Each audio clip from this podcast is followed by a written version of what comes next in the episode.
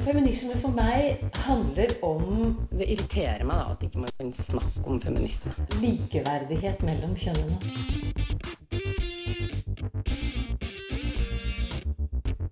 Det blikket på kvinnen på film. handlet det om å bli tatt på alvor som jente. Du hører på Et eget rom på Radio Nova. I dag er det ikke en vanlig dag, for i dag er det program nummer 100 med Et eget rom.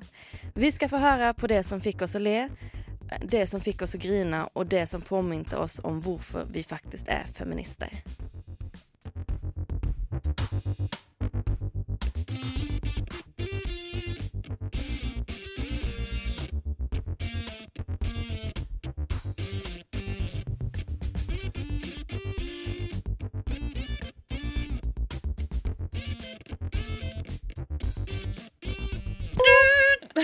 Det har gått fort, altså. Herregud. Eh, med meg i dag i studio er det Lisa Aasbø, og så er det Hanna, og så har vi vår kjære tekniker Hanna Rangård. Svensson. Rangård. Ja, og Helge Svensson. Ja, så det var ikke meningen å avbryte deg. Det var det du sa, ja. Takk. Lisa er veldig exalterad over at det er program nummer 100. Så hun, bara, hon kommer nog avbryta mig mycket mye här, Ja, denne Jeg sendingen. skal prøve å ikke gjøre Ja, det. i alle fall Sofia Fischer. Får jeg lov si det? Ja. Det går bra. Och vi, vi har kommet i mål. alltså vi er i program nummer 100. Eh, så i dag så skal vi gå igenom litt hva vi har gjort de andre 99 programmen. Det er ganske masse. Det blir en full, eh, program, det her. Det er over 100 timer med radio. Nei. Jo, altså det er på en måte 99, da, men det er jo med ekstra materiale så blir det jo enda mer. For det er det jo også litt av. Ja, og sen har vi inte telt in här med 8 mars-sendinger. Alla. Så det, har, det är lite sån extra. Så att om vi, om, i parentes så kanskje det er litt mer enn 100 sändningar. Ja, Godt over 100 Men om du går inn på Soundcloud så er det hashtag 100 der. ja, men denne her har vi jobba lenge for å få til, altså. ja. Det har ja, vært så mye. Det er, det er ingen som har hatt lyst til at vi skal ha denne sendingen. Nei da, jo da, alle har egentlig hatt lyst til det. Men Men, det har bare nesten gjennom. Ja, Ja. endelig storm her. Nummer 100. Ja, vi skal i hvert fall gå igjennom litt hva, hva vi har snakket om de, de seneste årene. Blir det faktisk, for vi begynte i 2015. Så det er tre år nå som det har holdt på. Eh, og vi skal få litt sånn historie om eh, hva, hva, hvordan startet vi opp, egentlig. Eh, for vi er jo Radio Novas første feministiske radioprogram. Uh, så det er jo veldig spennende. Så det, vi starter jo någonstans. Um, vi skal få høre litt på dette. Um, ja, vi setter i gang. Jeg syns det er så spennende eller gøy eller fascinerende eller hva, jeg vet ikke hvilket ord jeg skal velge.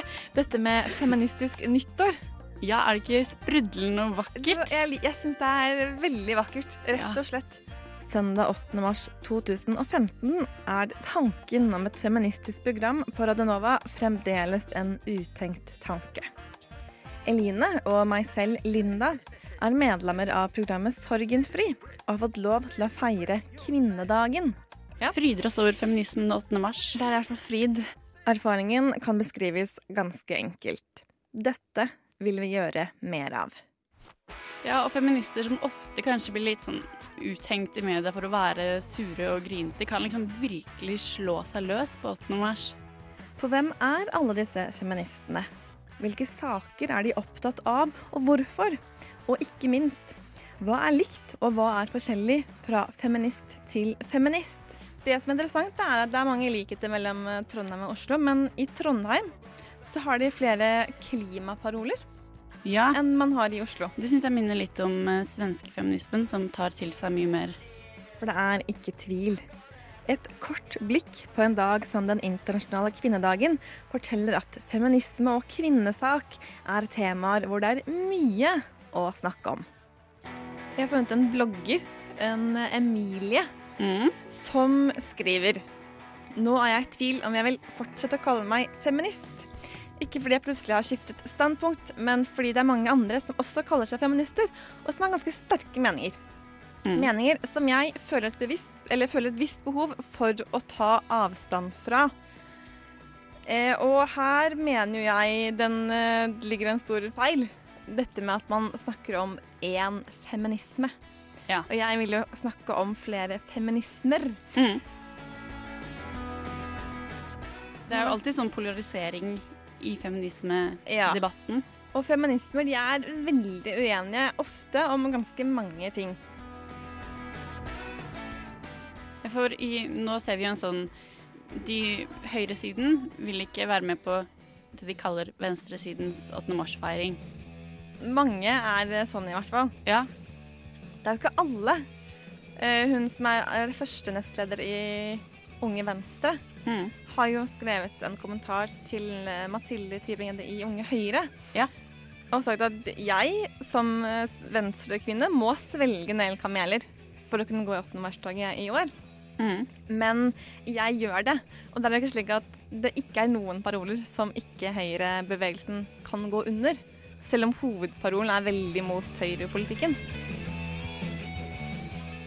8. mars 2015 var ikke første gangen at noen tok opp temaet feminisme her på Radio Nova.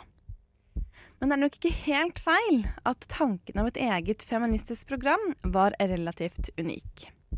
Og selv om mange programmer opp igjennom har kastet feministiske blikk på både samfunn, kultur og politikk, så var det likevel ikke et eget program som hadde som mål å gjøre bare det. Høres ut som en forlengelse av 'én million fluer kan ikke det er feil'. Bæsj er godt eh, argument. Ja. Er det et problem? Ja, Ja.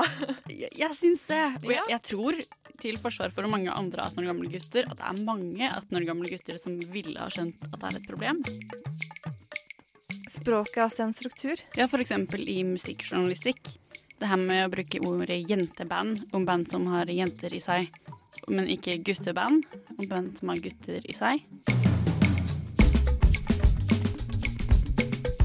Så oppfordringen er egentlig til alle der ute.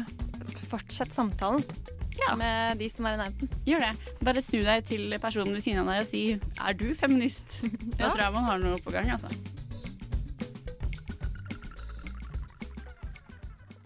Der hørte vi Elina Hystad og eh, Linda Rosenberg. Ja, en liten forsmak på hva, hvordan et eget rom eh, kom til, eller tanken kring et eget rom. Kan du bare si at den samtalen den har jo virkelig fortsatt, da. Ja, ja, ja si det sånn. Det var, det var ideen om et eget rom, hvordan det, hvordan det kom frem. Vi fortsetter litt med musikk her. Det blir Bubblegum med Confidence Man.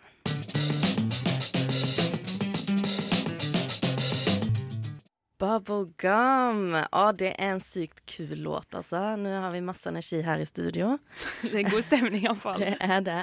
ja. Vi er i dag på sending nummer 100, og det her firer vi med ja, en liten recap av hva som har skjedd de seneste tre årene, blir det. Ja. Har dere kanskje en, en favorittsending so far? Oh, jeg, tror, jeg er jo helt baby spice i den redaksjonen her. Eh, men før den sendinga her så har jeg fått hørt litt igjennom en del av de gamle sendingene. Og jeg tror den om antifeminisme som Eline og Linda hadde, det er kanskje min fave. Ja, ja. den er skikkelig bra. Så de to er så fine i studio sammen. Absolutt. Absolutt. Jeg vet ikke. Det er så mye som er fint. Det er liksom Hver gang jeg har en ny sending, så er det sånn «Å, Dette var et bra tema. Dette likte jeg ekstra godt. Og, og sånn er det på en måte litt hver gang. Ja. Faktisk. Hadde du eh, en eh, favorittsending, Sofia? Å gud, det er, kjempe, det, er kjempe, det er så vanskelig. Jeg, var, jeg hadde jo en intervju med hun Victoria som, eh, som var da eh, skulle bli leder for FI i Sverige. Ja. Jeg husker jeg syntes det var kjempegøy. Mm. Det var en sånn skikkelig kul ting, og den, den intervjuen. Ja, fordi, ok, okay, fordi, um, um, fordi jeg på en måte klarer ikke å velge ut en favoritt, men kan velge ut ting som jeg gjerne trekker fram hvis jeg skal fortelle om programmet til venner. Ja. Uh, og da trekker jeg gjerne fram liksom litt av alt. Typ, vi liker å snakke om det, og så liker vi å snakke om det. Eksempel kropp, da, som vi skal komme inn på litt seinere. Mm. Men da syns jeg den graviditet- og fødselssendingen er veldig fin. Ja. Fordi det er et kult tema, og jeg er litt verpesyk. Nei da, tulla. Men uh, Eller Nei, men det var veldig, det var veldig kjekt å få helsepersonell i studio. Det syns jeg alltid er gøy.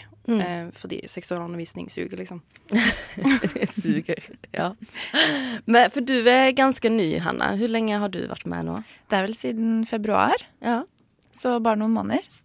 Men du har jo fått eh, gjort litt eh, for det. Du har jo vært masse i studio Hadde, Og lagt innslag og sånn. Ja, veldig flink. Mm. Ja. Vi hadde jo sending om juridisk abort. Det var også ganske artig. ja.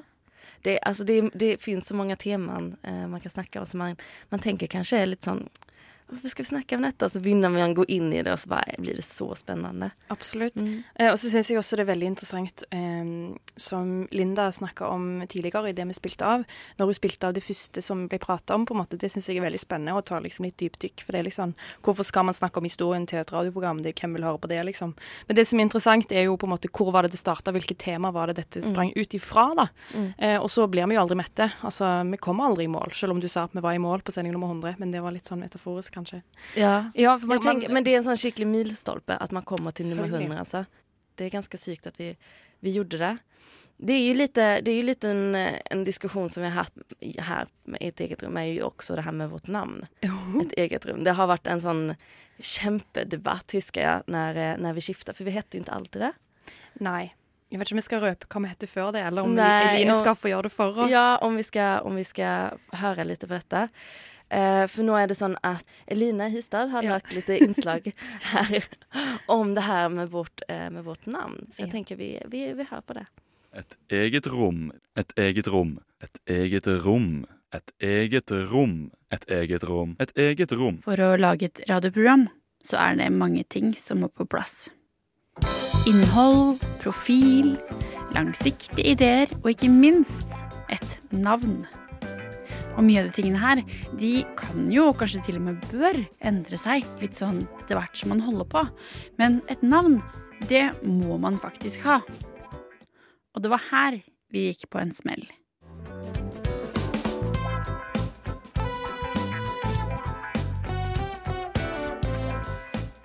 Jeg vet ikke om du har prøvd å lage et navn før. Det er ganske vanskelig.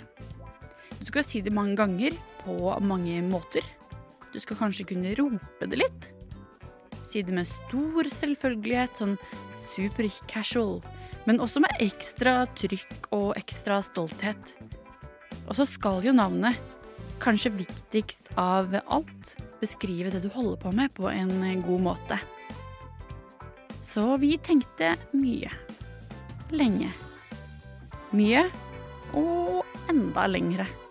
Vi hadde ganske mange dårlige ideer, og mange ideer som allerede var gjennomført, og mange ganske sånn helt halvgode ideer.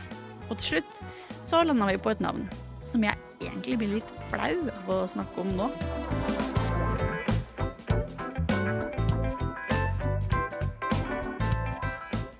Ok, vi kalte oss Kvinnesaken. Og det kan forsvares, altså. Det gir noen historiske nikk i retning av flinke folk som har jobba på. Og det høres kanskje til og med litt sånn spennende og detektivaktig ut. Og så klinger det godt. Men kanskje aller viktigst for oss etter hvert, det favna ikke noe særlig godt om det som vi holdt på med. For vi ville jo vite hvor mye feminisme egentlig kan være. Ikke bare snakke om kvinner. Derfor så blei det et eget rom. Et navn som ofte får folk til å føle seg litt sånn ekstra smarte på Øvre Blindern når de tar Virginia Woolf-referansen, for ja, det er navnet på et ganske kjent essay. Men sjøl uten Virginia Woolf så er det også et navn som, eh, hvis vi beveger oss litt i det metaforiske hjørnet, virkelig åpner opp da, med tanke på rom, og se ting på nye måter, osv.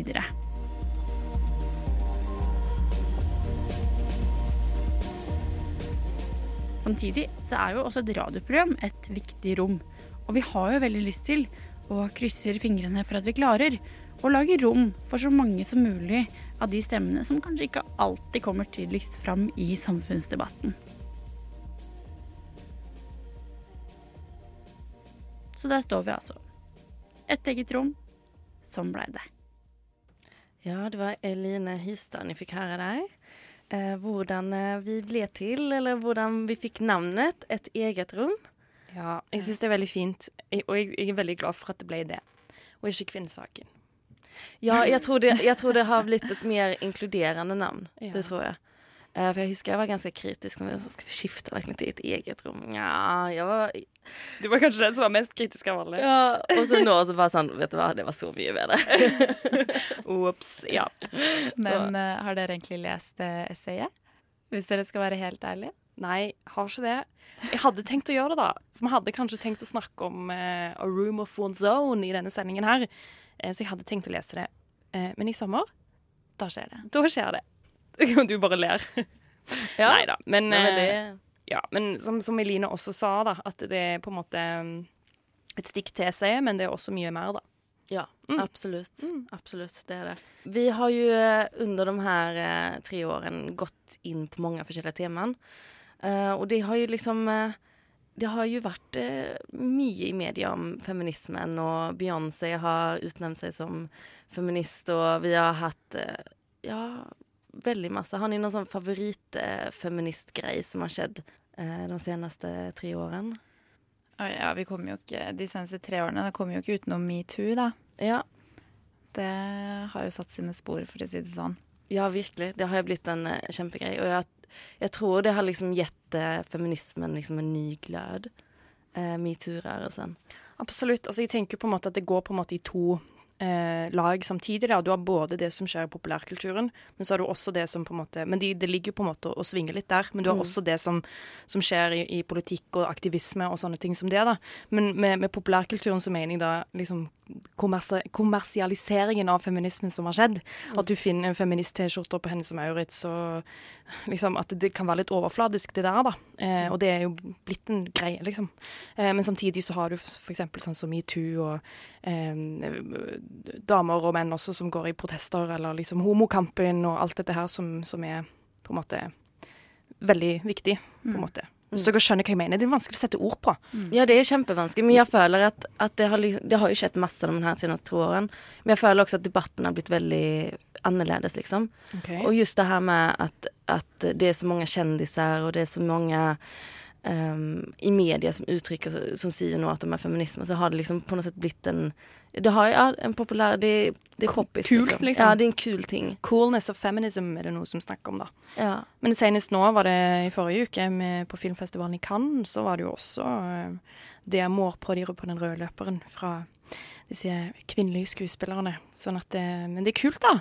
Mm. Det er veldig kult også bare å, se at det ikke bare skjer på én gang. Mm. Men at det Ja, er noe som fortsetter, da. Og det er til eksempel at Hillary Clinton eh, eh, gikk i kamp, eh, valgkamp i USA er jo en kjempegreie, liksom, herregud. Ja, En kvinnelig eh, absolutt. Da skjer det ting. Ja. Men det er vel det de sier, at vi på en måte er inne i den fjerde bølgen med feminisme nå. Og at det, siden vi er midt i det, så er det også litt vanskelig å definere hva det egentlig innebærer. Ja. De tre bølgene vi har vært igjennom, er litt sånn rett, eh, lett å sette ord på. Da var det formelle rettigheter og eh, senere eh, abort, selvbestemt abort, likelønn. Eh, og så har vi vært igjennom det her med å, å gjøre feminismen mer inkluderende. Du skal ha flere stemmer inn i feminismen. Tenk, post, postfeminismen, da. 90-tallet og Mm. sex og ho, ho hei, liksom. jo, jo, men, ja, men det var jo litt det, da. Men hva, hva er det som skjer nå? Altså, jeg tenker jo kanskje litt for å spinne litt videre på navnet vårt og det som nettopp ble sagt, som Eline sa litt, kanskje denne fjerde bølgen den handler om veldig mye forskjellig. Den altså, eh, Feminismen har blitt kommersialisert, det er liksom litt, alle snakker om den. Eh, men samtidig så er det litt sånn Kanskje man skaper litt mer rom, da. Eller man er opptatt av å skape mer rom i dagens feminisme. Altså interseksjonalitet og sånne ting. Det er man ikke flinke nok på. Men altså Det kommer. det er, mange, kommer. altså, det er jo en greie, da. Vi Mm. prøver. Mm. Man prøver sånn generelt, da. Ja. Ja, men jeg, jeg, jeg, jeg får også følelsen av det at feminismen har blitt liksom mer inkluderende. På en måte, det har det. Uh, og det at i dag så er det liksom nesten Mange kan definere seg som feminister. Men så- tror jeg ikke det var, var sånn uh, før. Nei, og så har du på en måte litt det her med at man prøver å bli inkludert, eller man burde inkludere mer. Jeg må bare nevne det her, for det var jo ganske stor greie for oss. Eh, og nå kommer det, vet du, Kari Jakkesson eh, på parolemøtet for 8. mars. Jeg husker ikke hvilket år det var. Når var det, da? Det er var det 2015? Ja. 2016? par år siden. Nei. Par-tre? Ja. Ja. Dette kom veldig spontant at de skulle ta opp dette nå. Men det var en veldig stor greie for oss, da, og det er jo et godt eksempel på noen som ikke ble inkludert. Vi kan jo bare høre veldig kort på det klippet. Og så syns jeg og så syns jeg at du skal prøve å suge pikk ti ganger i eh, døgnet et helt år for å se hvor gøy det er å selge sex. Ops. meg! er Unnskyld altså. meg! Jeg tenker den. Det var iallfall vi som fikk det på tape, da. For det var jo ingen andre som var på det møtet, bortsett fra det feministiske programmet på Radio Nova. Ja. Så klapp til oss på skulderen der. Ja, det Det måtte vi bra. Altså. Ja.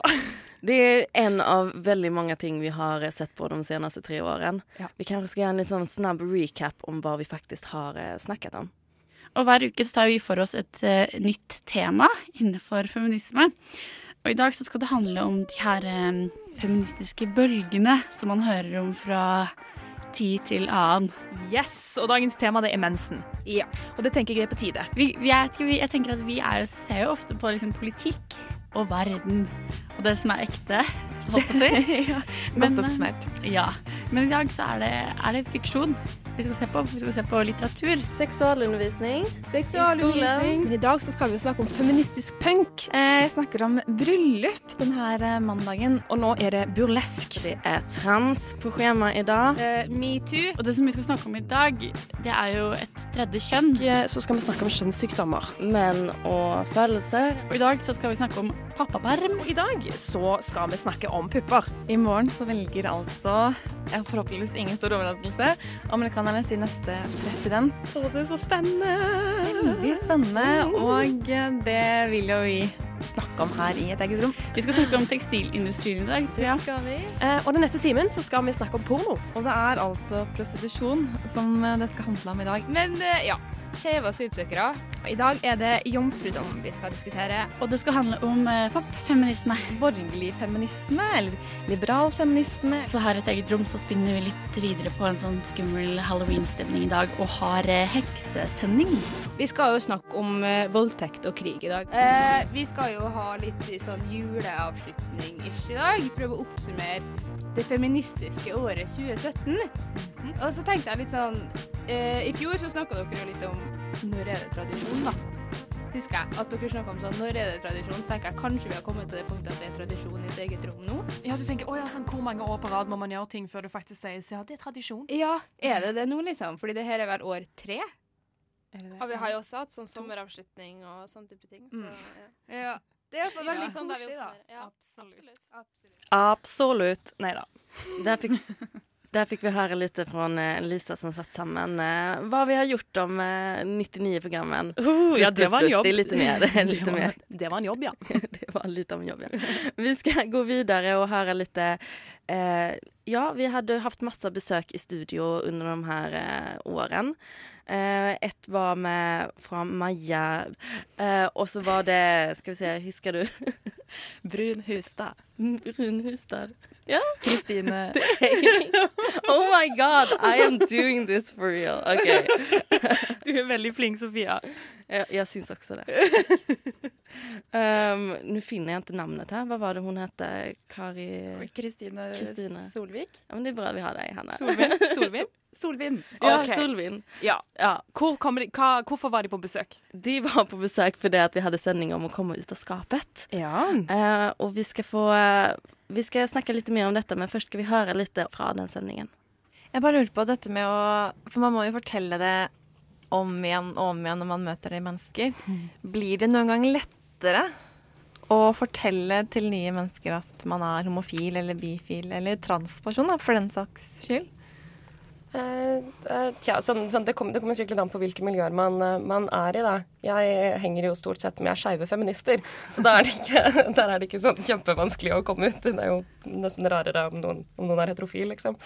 Men uh, i hvert fall Kanskje spesielt for, for unge som kommer, som, som kommer ut som trans, da, så tror jeg det kan være ekstra vanskelig fordi at de man kommer ut til, har ikke et begrepsapparat eller en forståelse om hva det betyr i det minste så altså, man, man vet jo liksom at homofile og lesbiske finnes, og liksom man vet at det er noe det går an å være, da. Men for, mens for eksempel eh, det å komme ut som trans for eksempel til foreldre som ikke, som ikke vet hva det er, da, så må du både komme ut og liksom eh, lære dem eh, lære dem det. Du kan ikke bare si at liksom hei, mamma, eh, eh, jeg er trans, og så er du ferdig, da. Du må liksom nesten holde et lite foredrag for at de skal skjønne det noen ganger. Og det kan jo sikkert være ekstra vanskelig at man må at man må forklare seg på en helt annen måte, da. Det er jo en prosess som går gjennom hele livet også, for da, når du først har kommet ut en gang og prøvd å forklare og sånt, så kanskje du må komme ut igjen på jobb eller på skole, eller du får deg nye venner, og så skjer det der, eller bare du er på byen og noen prøver seg, så burde det jo ikke være sånn at du nødvendigvis trenger å si at du har en annen seksualitet. Men noen er jo litt påtrengende, da. så blir det den eh, Så jeg tror det kan være Jeg har i hvert fall merka det mest på jobb. Syns jeg det kan være litt slitsomt i pausen og sånt. For jeg har ikke lyst til å ta den derre ja, hva heter han, kjæresten din? Og så må jeg liksom rette på det, og så føler jeg meg frekk når jeg retter, for da virker det som jeg liksom setter det på plass. Uh, så jeg tror mange kan slite litt med det, egentlig. Fordi det heterofile blir en sånn norm, da, som alle går ut ifra at man er. Og så er det det som må helt innrettes på. Mm. Ja, det var Linda och Eline i studio som fikk besøk av Maja Brun Hustad og Kristine Sollund. Ja, altså, jeg må beklage litt at jeg er så dårlig på det her med navn. Men jeg kan jo bare si, fordi at dere har jo oss på radioen, men altså, når vi står her, så bare gi et lite bilde av at bare se for dere at det ligger masse papirstabler rundt et bord med masse mikrofoner på. Der har du oss. Ja, så, så, det var det eh, som ja, skjedde. ja, jeg fant ikke, jeg fant ikke mine papirer der det stod navnet på. ja, det, det er mandag. Men iallfall et veldig fint klipp, da. Det er kjempefint klipp, det er det virkelig. Eh, vi skal snakke litt mer om det her klippet eh, rett etter eh, den her låten. Pa Paria med Low Blow.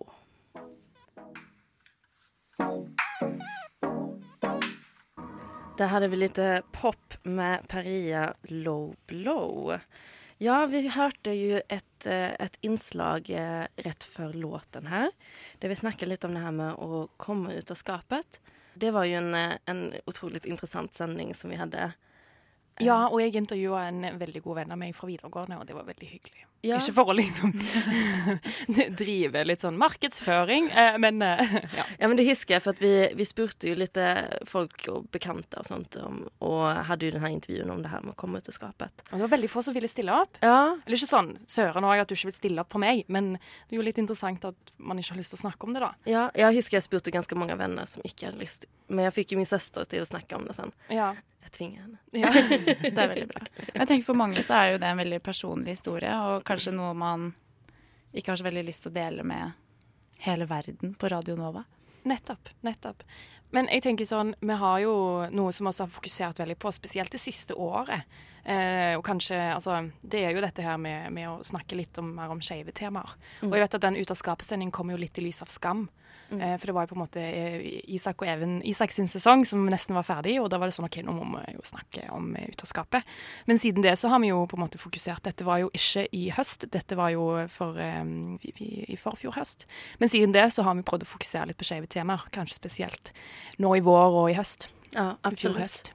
Eh, det har vi absolutt hatt mer fokus på. Og det er ikke bare det her med at, at komme ut av skapet som vi har hatt, vi har hatt alt mulig. Og det her med trans har jo, hadde vi to sendinger om. Ja, så det, var, det måtte vi ha i to deler, Ja, fordi det var så for det var så, så masse å snakke om, og det var jo, ble jo kjempebra. Ja. Uh, og når vi snakket om det, så, eller når du hadde sending om det, det var del to, Lisa, så hadde vi jo litt besøk. Jeanette Solstad Reme var på besøk, uh, og er jo da transperson. Ja, eh, hun definerer seg jo som kjønnsinkongruent. Ja. Eh, men det er jo så mye som begreper og, og sånne ting. Men det, det, var, det var Ja. Hun, jeg snakket, var, hun var på besøk her på en lørdag, og så satt vi og snakket her i, i, en, i en halvtime. Mm. Eh, men eh, jeg kan si litt mer om det etterpå, kanskje. Ja, og, og just det her med de her forskjellige begrepene er jo kjempeinteressant. Det skal vi komme inn litt mer på. Men vi kan jo begynne med å høre på, på litt av denne intervjuen. Du er jo sagt sjøl at du opplever deg som kjønnsinkongruent. Ja, det kan jeg godt si at det er. Men la vi ta det første.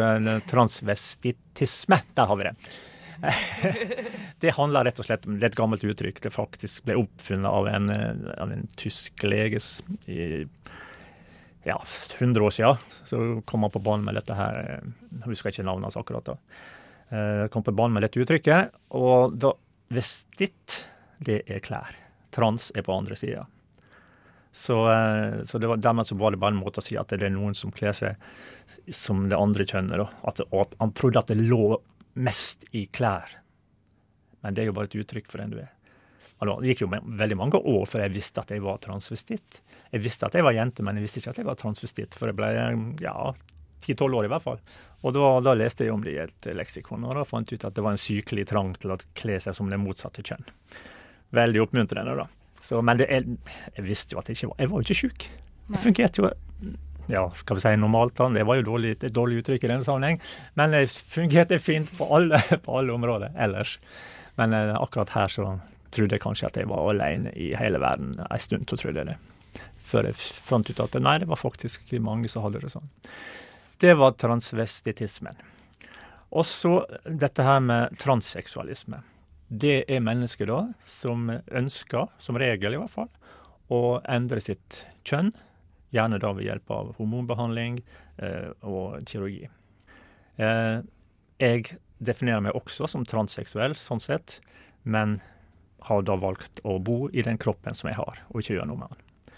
Og kjønnsinkongruens, det er jo også det, for så vidt det samme som transseksualisme, men det går rett og slett på at du overhodet ikke finner deg til rette i det, kjønnsut, eller i det kjønnet du har fått tildelt i forhold til den kjønnsidentiteten du har. Nettopp. Men er det litt nyere begrep, eller? Det Ja, det er, det er ganske relativt nytt, og det er vel mest brukt ja, i, i terminologien til, til leger og sånn, men eh, det er mer og mer på, på vei inn i språket. Ja. Det forklarer for så vidt. Og så kan du godt også ta med noe som heter kjønnsambivalisme. Da, da er du litt sånn frem og tilbake, litt usikker. Kanskje kvinne en dag, mann en annen dag, og litt usikker. Men jeg er ikke helt sikker, liksom. Så dette, de to begrepene ble også brukt i en, eh, en EU-undersøkelse som kom i 2013. Så uh, dette ble uh, på en måte et offisielt ja, EU-språk da, også. Det, blir jo tatt mer og mer på alvor, men en må fremdeles i Norge den dag i dag få en diagnose, mentalt syk, og den heter F64.0 transseksualisme. For i det hele tatt å bli godkjent til å gå gjennom en, eh, en eh, endring av, eh, av kjønn med kirurgi og hormoner. Så sånn sett så er det veldig, veldig veldig lang vei igjen å gå hvis ikke vi får bort det der sykdomsbildet at du er syk fordi du er transseksuell. Ja, jeg kan, jeg kan si til slutt kanskje at det, det går rett og slett på å forsøke å endre holdninger i samfunnet. Og det kan kun gjøres gjennom utdanning, opplysning. Jeg vil gjerne presisere akkurat det. Hva faen, er du homo? Ikke homo. Jo, kanskje jeg er litt homo, da, men Du hører på Et eget rom på Radio Nova.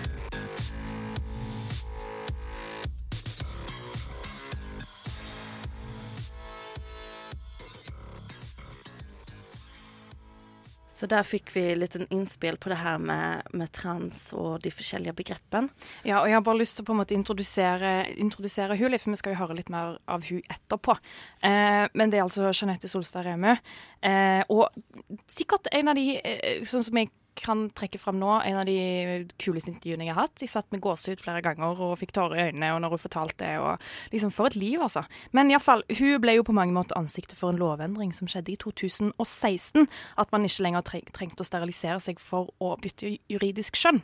Eh, på papiret, liksom. Eh, og så hun ble på en måte Um, først så ble jeg på en måte ansiktet for en sånn Amnesty International- International-kampanje som heter The States The State Decides Who I Am, Lack of legal, recogni legal Recognition for Transgender People in Europe. Så det var Amnesty International, altså hele verden, da. Svære greier. Ja, veldig store greier. Eh, Og det ble jo i 2014, og to år som gikk denne lovendringen igjennom. Um, ja, så det var heftig, altså. Ja, vi skal jo høre litt mer fra, eh, henne etter at vi har hørt på litt mer musikk her. Det blir Boys med Believe Anything.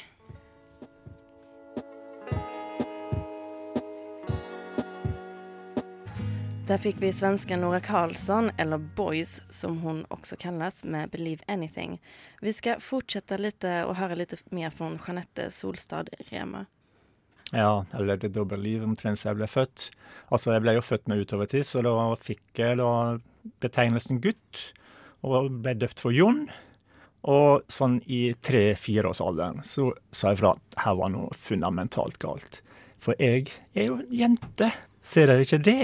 Nei, det var ingen som så.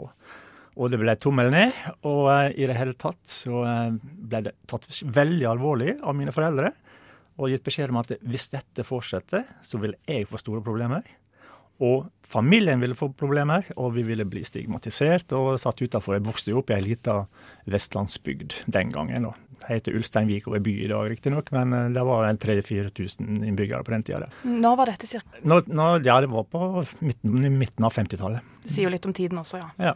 Eh, så eh, måtte jeg da rett og slett eh, bare finne en løsning som funka for meg. Jeg sa nei, selvfølgelig skal aldri, aldri gjøre mer. Og så gikk jeg undercover, og så satte jeg i gang. Og så levde jeg et dobbeltliv. Spilte gutteroller. Overspilte selvfølgelig. For jeg måtte jo vise alle at jeg var gutt. Men det var mer og mer angstfullt etter hvert som tida gikk. Og det ble en ganske tøff eh, oppvekst. Og jeg var veldig lettantennelig og sånn sinna gutt. Og i hele tatt eh, ikke noe særlig likende type da, når jeg ser tilbake på meg sjøl og, og, og den perioden der. Ja, da hørte vi da Jeanette eh, Solstad der hjemme. Ja. Eh, og det er jo en utrolig eh, ja, kjempefin intervju eh, du hadde, Lisa.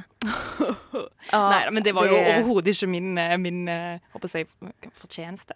Hva skal jeg si da? Det er ligger ikke på min kappe akkurat det der, da. Fordi at hennes historie er helt utrolig bra, og Mm. det er så fint. Og det var så bra at vi måtte eh, legge det ut som en ekstra liten podkast med intervjuet i sin helhet på vår, eh, på vår eh, eh, podkast-feed. eh, så det ligger ute tilgjengelig for alle. Ja, men det er veldig bra. Jeg syns alle skal høre på dette. I hvert fall hvis ni syntes det her var spennende. Det syns jeg. Eh, Det er jo liksom Det her temaet, det her med skjev og sånt, har vi jo snakket veldig mye om. Og det er jo eh, noe som har blitt eh, utrolig relevant og snakket om i media. Uh, og det er liksom det her med media syns jeg er noe vi kanskje også trenger å snakke om litt. Det her at eh, eh, feminismen har jo forandret, men och den har ju förändrats stadigt med utveckling eh, i samfunnet. Och media har ju spelat en otroligt ro- eh, stor roll där. Eh, vi hadde ju Emma Holt eh, som vi intervjuade om det här med hämndporno. Mm. Eh, och det är ju ett ganska eh, nytt begrepp sånn sett. Ja, forholdsvis. Altså, det er jo altså bare Ja, nei, altså hele det, hele det der fenomenet med hevnporno er jo, er jo Det er litt avhengig av sosiale medier, kanskje, for å, at det i det hele tatt skal være mulig. Mm. Um, så ja, det er vel en ganske ny greie. Jeg kan ikke tenke meg at folk gikk rundt og spredde polaroid, nakne polaroidbilder av folk for å hevne seg på det før i tida. Nei. Og så føler jeg også at hevnporno er sånn typisk ting der eh, på en måte, Hva skal man si, da? At, eh, at det blir et slags sånn der eh, eksempel på hvor ille det kan bli, da. Eller hva slags syn man har på det ene eller andre andre kjønnet. Det Det er jo selvfølgelig en liten gruppe som holder på med dette her, da. Forholdsvis. Men det ble jo spredd til veldig mange, og da er det ikke nødvendigvis kultur for at man sier fra.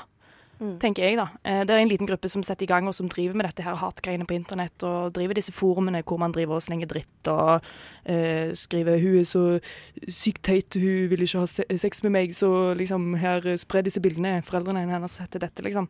Og så blir det jo spredd videre, men da er det jo ikke, fortsatt ikke kultur for, nødvendigvis for å si fra hvis man får et sånt et bilde. Men det er på en måte et slags sånn, hva skal man si da, eksempel på eh, hvor ille det kan bli i dag. Jeg vet ikke. Ja, man må ta det her, det på alvor. det her. Ja, ja, absolutt. Og det her snakket vi jo om i, i program 79, eh, der vi snakket om hevnporno. Og det her er jo noe som, eh, som har kommet nå med media. Og jeg tenker det her er noe som, eh, som generasjoner kanskje til og med efter oss, liksom, de som er noen år yngre enn meg i hvert fall, vokser opp med. Eh, for når jeg var yngre så fanns jo ikke Facebook og alt däremellan. Men nå vokser jo alle opp med dette. Og det her med å dele bilder har jo blitt kjempestort. Ja. Eh, Men jeg tenker vi hører litt på denne intervjuen med Emma Holte, så kan vi ja, snakke litt mer om dette etterpå. Men er det et kjønnsperspektiv i det her, eller kan man se det med Det er helt definitivt et kjønnsperspektiv. Alltså, det är båda kvinnor och män som deltar i förnedringen av hämndporroffer men deras motivationer verkar för mig väldigt olika. Ehm, kvinnor eh, försöker uppnå högre status vid att ta avstånd från kvinnor som är offer. Och det är ju många, många fler offer som är kvinnor än män. Och männen som gör det försöker eh, stärka sin känsla av maskulinitet och makt av att förnedra kvinnor. Och jag tror att det finns, speciellt i de mycket yngre generationerna, alltså folk som har växt upp med sociala medier som är födda kanske efter 2004. Som har en mer vad ska man säga, jämställd relation. Som är att kvinnor och män behandlar det här helt lika, som humor, som ett skämt. Ehm, men jag tror att det som vi måste se på det är varför är det flest kvinnliga offer och varför har det störst konsekvens för kvinnliga offer. Att det er mycket på längre bana, mycket längre konsekvens för dem, det är mycket mer förnedrande, det anses mye mycket mer skamfullt för kvinnor. Och jag tror där är vi inne i en väldigt klassisk feministisk problematik som helt enkelt handlar om att vi, ger, att vi skambelägger kvinnors sexualitet för att vi vill att den ska kontrolleras. Så selv om det er flere kvinner som blir, er ofre, så er det mer sk- skamfullt å være kvinne som blir utsatt for det? Helt klart, det skulle jag säga. Alltså det är ju såklart väldigt skamfullt för en man också, ingen tvivel om det. Men min generella erfarenhet är att den sociala konsekvensen för kvinnor på långa banan när det kommer till anställning, när det kommer till eh, att få en partner senare i livet, när det kommer till kompisrelationer är mycket, mycket, mycket, mycket mer allvarlig. Ja. Um, och, anses, och det anses för mycket mer um, essentiellt som om det säger någonting om kvinnan. Jag tror det som är så intressant är att om en man till exempel filmas när han har sex med en kvinna då är det på något sätt kvinnan som bär ansvaret för den sexuella sessionen. Att en man vill ha sex, det kan väl alla säga sig själv. Men att en kvinna har sex, varför gjorde hon det? Varför filmar hon det? Varför har hon det behovet?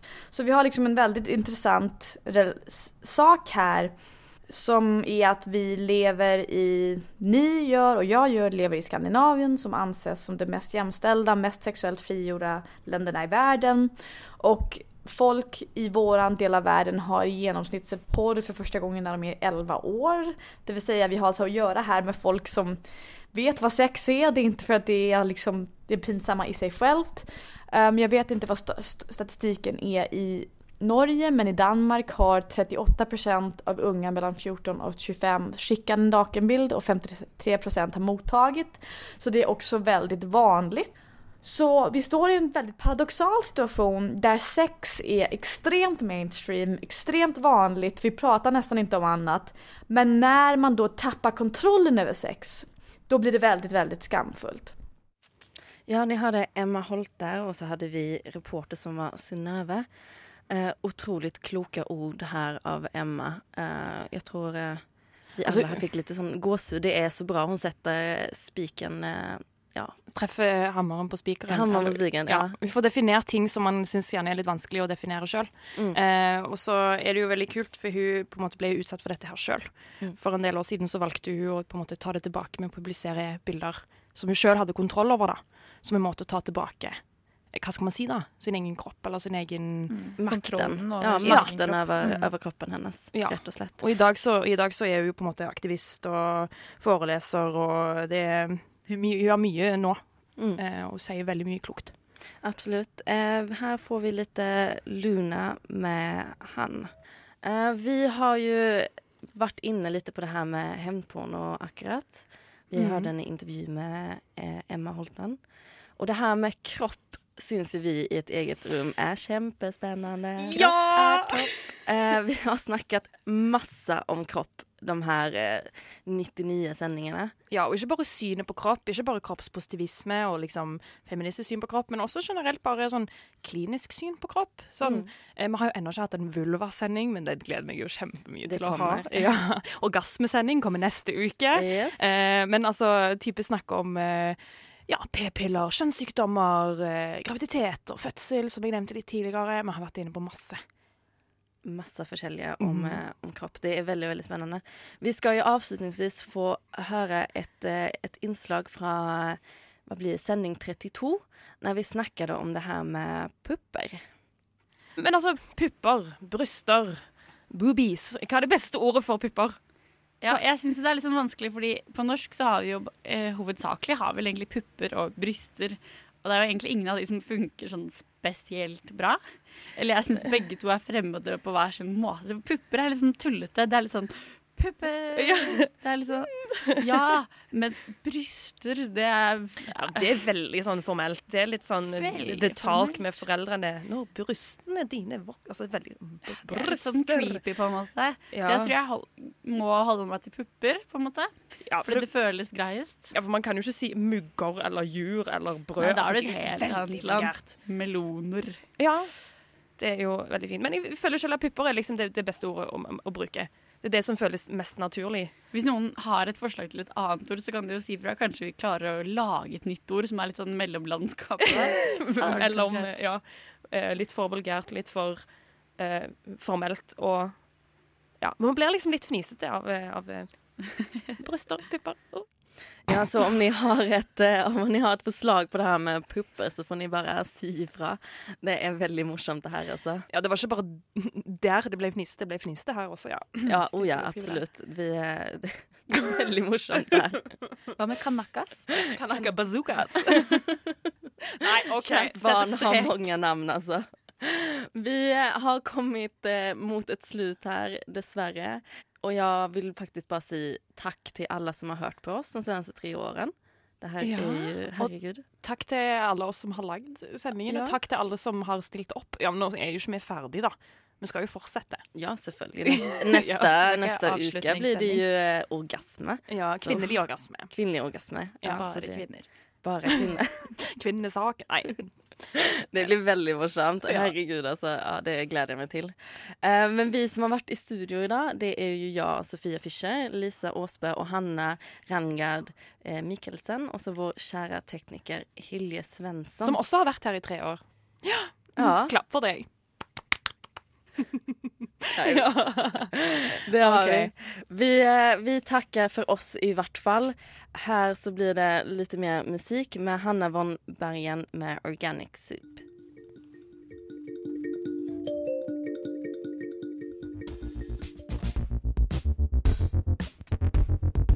Du har hørt en podkast fra Et eget rom på Radio Nova.